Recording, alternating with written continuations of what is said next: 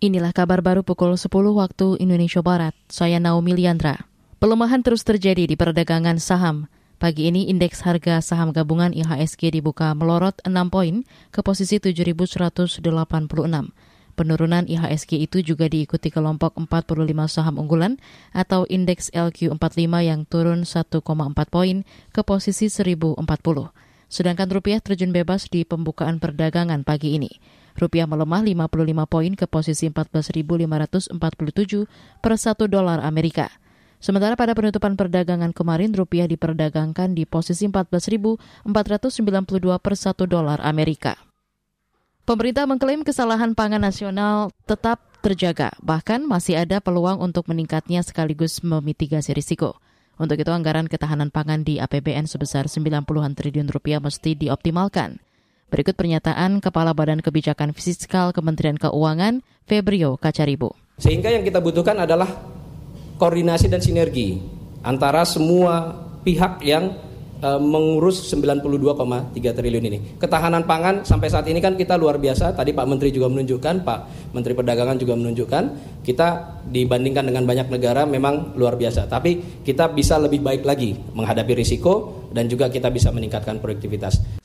Di sisi lain, Kepala Badan Kebijakan Fiskal Kementerian Keuangan Fabrio Kacaribu mengingatkan potensi ledakan subsidi terkait ketahanan pangan. Salah satunya subsidi pupuk senilai 23 triliun rupiah imbas meningkatnya harga komoditas.